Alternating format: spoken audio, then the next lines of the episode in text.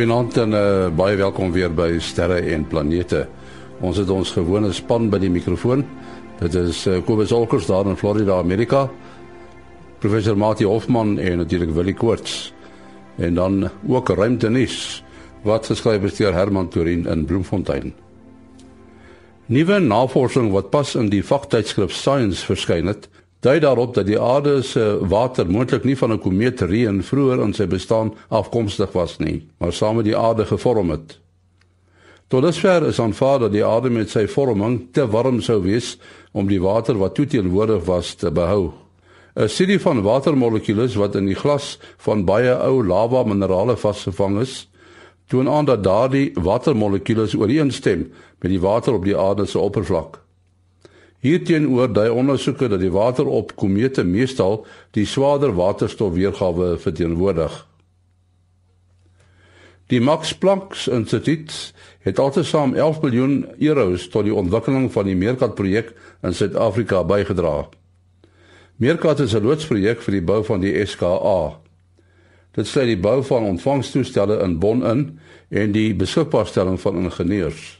Kort na die ondertekening het die Nederlandse eerste minister Max Rutte Suid-Afrika met 'n handelsafvaardiging van 75 maatskappye besoek.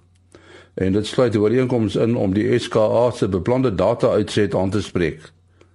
Die SKA gaan enorme hoeveelhede data insamel en die hantering daarvan bied 'n baie groot uitdaging. Tot sover ruimte nuus wat geskryf is deur Herman Torin in Bloemfontein. En nou stel ons eers vir Kobus Olkers daar in Florida, Amerika aan die woord met 'n ruimte weer. Die week was daar nie eintlik veel gewees soos wat ons sou voorspel het verlede week nie, maar een interessante ding wat gebeur het is dat daar 'n sirkulêre filament op die son uh aan die aarde se kant voorgekom het en dit is nou asof ons 'n 'n bergreeks op die son het wat so in al in die rondte gaan. Die tipe van konfigurasie is inherent onstabiel en hy het toe opgelig. Hy het so 'n bietjie hier na die aarde se koers toe, maar hy is so ver oor die noordpool van die aarde verby. Dan wat die aktiewe areas aanbetref, het ons hierdie week net eintlik twee om van te praat. Wel, mes daar is eintlik eintlik eers iets om van te praat nie, maar hulle is daar. Uh enetjie is 'n klein dipooltjie wat definitief geen gevaar inhou nie. Dan is daar 'n ander enetjie wat miskien 'n beta gamma 'n konfigurasie het wat dalk iets kan kan kan doen so deur die week. Hy behoort so teen môre oor môre geo-effektief te wees maar ons sal maar nou maar nog moet sien of hy enigiets ons gaan gee. Ek verwag nie eintlik so nie. Ons het 'n paar interessante wisselinge van polariteit op die son in die suidelike halfrond. As ek nou so sit en kyk, soos nou so van regs na links op die son kyk, is daar 'n noord en dan's daar 'n suiderreeks en dan's daar weer 'n noorderreeks en weer 'n suiderreeks en weer 'n noorderreeks, so groot een. En dit beteken natuurlik net een ding en dit is tussen hierdie verwisselinge van pole het ons baie groot filamente. En filamente het beslis die moontlikheid om af te kom en 'n bietjie sterings te veroorsaak. En dan is daar natuurlik ook nou van die koronagat af so hy sit op die oomblik so amper op die rand van die son op die regterrand en op sy kom ons maar sê suidelike kus uh het ons 'n groot lang filament wat so skuins na links oploop op die son. Hy lyk vir my bitter onstabiel as ek hom so kyk. En ek dink hy kan dalk vir ons ook 'n bietjie probleme gee in die week. So as ons probleme het met die GPS'e en met die ehm um, met die internet, moet nou maar nie te hard uh, raas met die diensverskaffers nie. Ehm um, ons langafstand radiogebruikers kan maar weet dat frekwensies redelik onstabiel gaan wees, vreeslik baie op en af. En dit was dan Kobus Olkers. Nou wil ek kort van die SAAU en uh, professor Mati Hofman van die digitale planetarium die Bodensterrewag in die Universiteit van die Vrystaat. Is ouer gewoonte weer by ons. Wil die vuurballe, dit is uh, wat mense nogal aan die gang het deesdae. Ons het so 'n bietjie lanklaas gepraat en intussen het van hierdie vuurballe geval. Uh, dit is uh, stukke klip wat deurkom nê nee, wat nie uitbrand nie. Ja, dis korrek. Jy was nou uh, in die Oos-Kaap, uh, was nou lekker gevang met 'n sekuriteit potensie in Port Elizabeth en so het die mense, die een persoon het sommer twee op die uh, sekuriteitskamera gekry en uh, dis nou altyd natuurlik lekker want dan kan 'n mens dit goed redelik vaspen.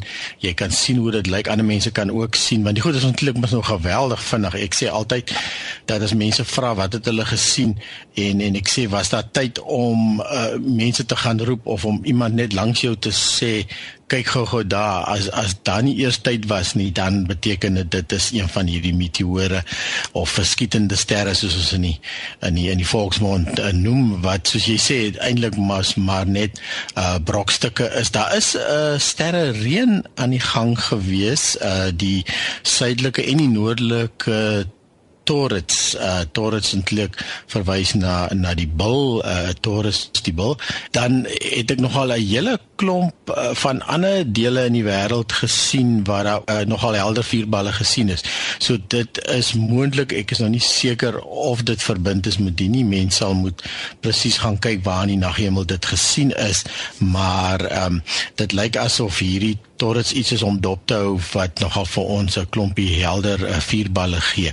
As mense net enige tyd opkyk na die hemel aan behoort jy so binne 15-20 minute behoort jy daarom 'n uh, verskietende ster te sien as dit lekker donker is en dan die sterre reëns is natuurlik nou verbind met 'n uh, komeet se baan 'n uh, komeet wat rommel in sy baan agterlaat en as die aarde dan daardeur beweeg dan dan sien ons hierdie verhoog verhoogde intensiteit van van verskietende sterre wat dan lyk asof hulle uit 'n sekere 'n deel van die van die hemel uitkom. Ja, en dan uh, sal ons dit as 'n vierbal klassifiseer wanneer dit nou helderder is as Venus, die die aandster, uh, um, helderder as -4 magnitude en as dit helderder as -14 is, dan uh, dan praat hulle gewoonlik van 'n bolide wat wat uh, ek is presies seker of 'n mooi Afrikaanse naam daarvoor is nie. Ja, dan uh, Mati 'n uh, dwergplaneet uh, om die son. Nou as hulle praat van nuwe dwergplanete, impliseer dit dan dat dit 'n planeet om ons son is of uh, is dit 'n ander son want dan sou hy seker die naam eksoplaneet dra. Uh, ja, op die stadium het die uh, term dwergplaneet op ons sonnestelsel betrekking. Uh, Pluto is die bekendste dwergplaneet. Dan is daar enkele uh, ander wat nou al uh, mooi name gekry het soos Eris, Makemake, uh, Ceres.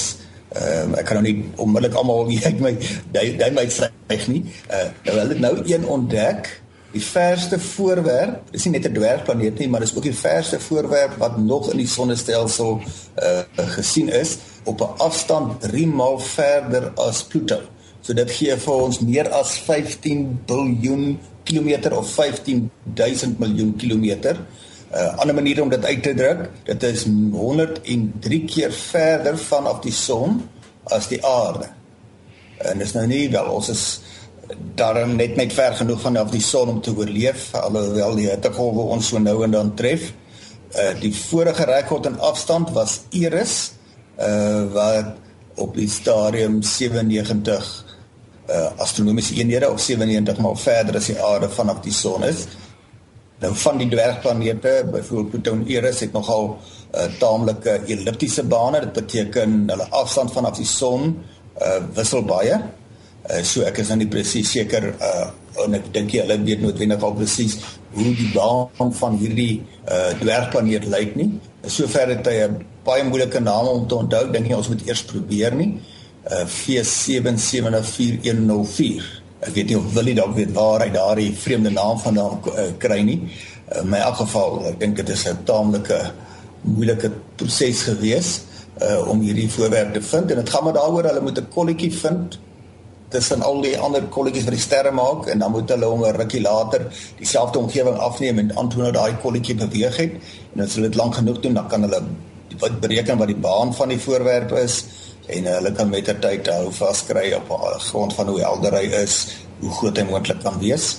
Wat mens moet onthou 'n dwergplaneet moet groot genoeg wees gravitasie om rondmaak uh, Ceres wat nou in die asteroïde gordel is. Ek dink hy is die naaste dwergplaneet aan ons. Uh se deursnee is in 'n omgewing van 800 km.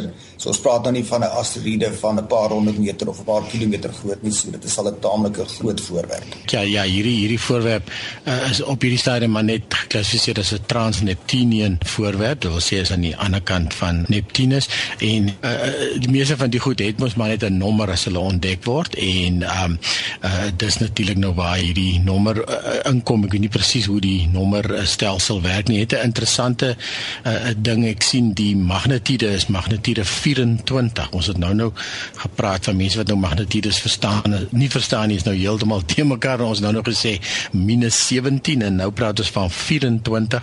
Uh, dit klink nou of 24 moet helderder wees en dit is die skaalwerk ongelukkig verkeerd om en dit is 'n uh, logaritmiese skaal. Dit is ontdek deur die groot Subaru die Japaneese Subaru teleskoop. Ehm um, Subaru toevallig sien ek nou staan vir die Japaneese woord vir die sewe susters of die Pleiades.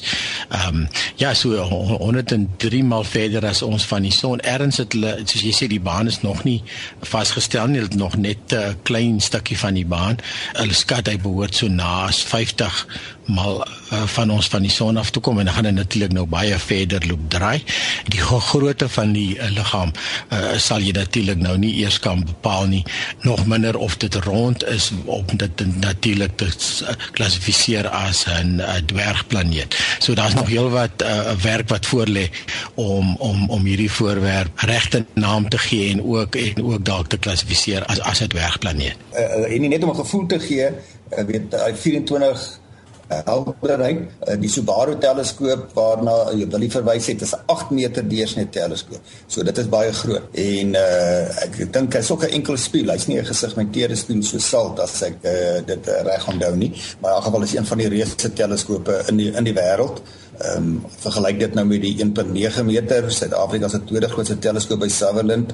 So dit is meer as 4 maal groter in deursnee en dit gee dus meer as 16 maal meer uh, ligopvang vermoë. Ek kan dus baie verder sien en baie gouer sulke tipe voorwerpe ontdek. Goed, maar jy heeltemal iets anders. Ehm um, hulle het gepraat van een of ander sein, eh, 'n uh, rare sein wat opgetel is en die moontlikheid genoem dat dit van 'n parallel universe afkomstig is wat my weer by die punt bring van uh multiverses. Dit is 'n teorie wat hanteer word.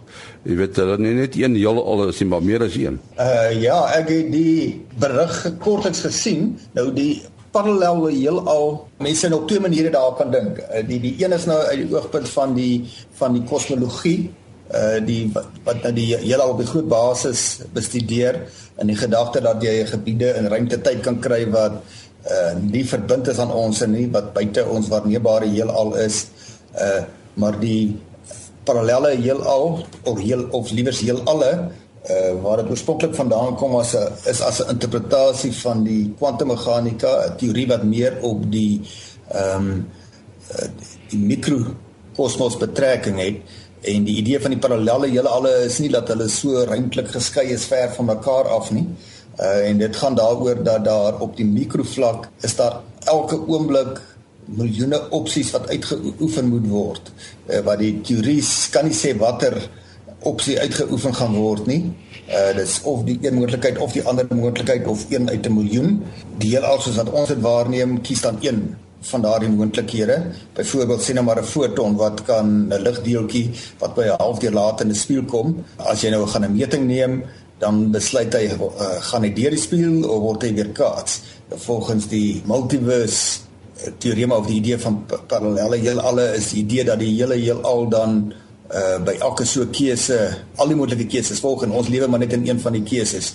En so ons sien daarso is die die die konsep van die uh, multiverse of vele heelalle en die parallel uh, heelalle en as jy by kosmologie kom dan dan is meer betrekking op kom sê amper iets soos 'n bubble universe, 'n borrel aparte gebiede van ruimte en tyd. So in hierdie geval van die sein wat hulle gesê het, het dit nou nie op die multiverse wat uit die kwantumteorie uitkom 'n betrekking nie, maar op sulke verskillende gebiede in ruimte-tyd en hulle sien blykbaar 'n sein in die mikrogolf agtergrond, iets soos amper soos 'n letsel wat dit sou kon laat lyk of daar 'n botsing van so 'n uh, of 'n kontak was met so 'n borrel heelal met ons uh gedeelte van ruimtetyd of ons waarneembare heelal. Willie, uh, ons het nou lanklaas gehoor van van Philae bestaan hy nog uh of jy weet op daai komeet die uh, Churyumov Gerasimenko. Dis reg ons, ons is dis redelik stil. Ek meen ons ons hoor natuurlik van van die die ehm um, die ruimtetuig wat nog saam met die uh, uh, komeet vlieg en dit het natuurlik vir ons wonderlike wetenskap gestuur. Die die komeet natuurlik nou al verby die son kom draai, so is nou alweer besig om om minder aktief te word. Die die hoop was gewees dat uh, omdat veel ons nou in hierdie kloof of hier langs hierdie kraans beland het uh, en in die, en redelik in skaduwee gehul was wat beteken dat die sonpanele nie genoeg kon lei nie en dit was sy einde beteken uh, was die hoop dat as dit nader aan die son beweeg sal daar meer genoeg energie wees en en Philae kon moontlik weer aan die gang kom. Nou dit klink my op 'n stadium as ek reg onthou het daar wel gelyk asof daar 'n sein van van Philae afkom en daar is nog 'n uh, bietjie van die data af afgelei as ek as ek reg onthou. En dit was natuurlik nou toe dit nader aan die aan die son was op op op 'n stadium. Maar ehm um, sover ek weet was daar geen wetenskap meer gedoen deur Philae. Daar was nie regtig genoeg krag om om om te kon verdere uh, observasies in in wetenskap neem nie. Mens kan dit nou as 'n ehm nie as 'n sukses beskou nie, maar die hele die hele sending was uit die was uiteraard natuurlik baie suksesvol en net die feit dat hulle 'n soort van kon kon land en en en 'n bietjie inligting inwin is is al is al 'n ongelooflike stap vorentoe. Wat ek nou sien wat hulle beplan, dit klink nogal opwindend, weet soos uh, die komeet nou verder weg beweeg van die son gaan sy aktiwiteit natuurlik nou afneem en uh omdat Rosetta nou nog daar rondom hom wentel, kan hulle nog nuttige inligting kry. Uh, oorspronklik het hulle gedink wel hulle moet hom dalk vir 'n paar jaar daar uh, daar hou tot hy nou weer oor uh, ongeveer 5, 6 jaar sy baan om die son kom uh kom voltooi. Uh maar lyk my hulle wil nou bietjie meer riskant raak en liewers nie daai langtermynstrategie volg nie want hy gaan dit waarskynlik nie uh, hierdie so oorwintering vir 'n paar jaar oorleef nie en hulle wil nou in 'n uh in 'n tipe baan gaan wat hom al na die die die moedertuig, die Rosetta tuig al nader aan die komeet uh kern bring. En dit sal hom dan by geleentheid baie naby aan die gedeeld gebied waar uh die Philae tuig uh sit bring sodat hulle uh, meer presiese posisie kan bepaal. En dan dalk om hulle nader is ook weer sal kan kommunikeer en uiteindelik beplan hulle om dan um, moontlik teen September volgende jaar 'n beheerde botsing met die uh, Rosetta self te maak en dan tot op daai laaste breekdeel van 'n sekonde inligting in te win en foto's te neem van baie naby af. Maar ek dink as hulle nou baie naby aan die oppervlak in die omgewing van die landingstuig gaan kom, dan net dalk miskien is, is ons gelukkig om weer uh, data te kan kry, maar dit sal die volgende maande leer. Ja, wil jy net vinnig uh, wat is daar te sien planete op die oomblik? Ja, dis nou 'n baie stiltyd in die aand. Ehm um, uh, Saturnus was nou nog sig sigbaar in die in die weste net voor die son ondergaan, maar nou begin die Skorpioen ons winterkonstellasie uit uit die pad uit te beweeg. Ja, so die aksie is maar in die oggende waar uh, Venus natuurlik nou die oggendster is en uh, dit uh, is word nou Jupiter en en en Mars sit daar sit daar by mekaar so is nou eintlik 'n mooi uh opleidingkie in die oggend. Uh ja iemand het nou die dag vir my 'n SMS gestuur en gesê daar's nou blykbaar 'n opleiding van die planete. Maar natuurlik 'n opleiding van die aarde af is nou moeilik om te sien omdat die ehm uh, jy sit dan nou in die in die lyn in die middel van die lyn so van die goed lê die kant toe en van dit lê aan die kant toe. Ek het dit nog eintlik verder gaan ondersoek nie, maar ek dink dit is meer astrologies as astronomies op hierdie stadium. Goed, ons moet afsluit. Maat jy jou besonderhede? Uh en die selfoonnommer 083 625 7154 083 625 7154 Wat is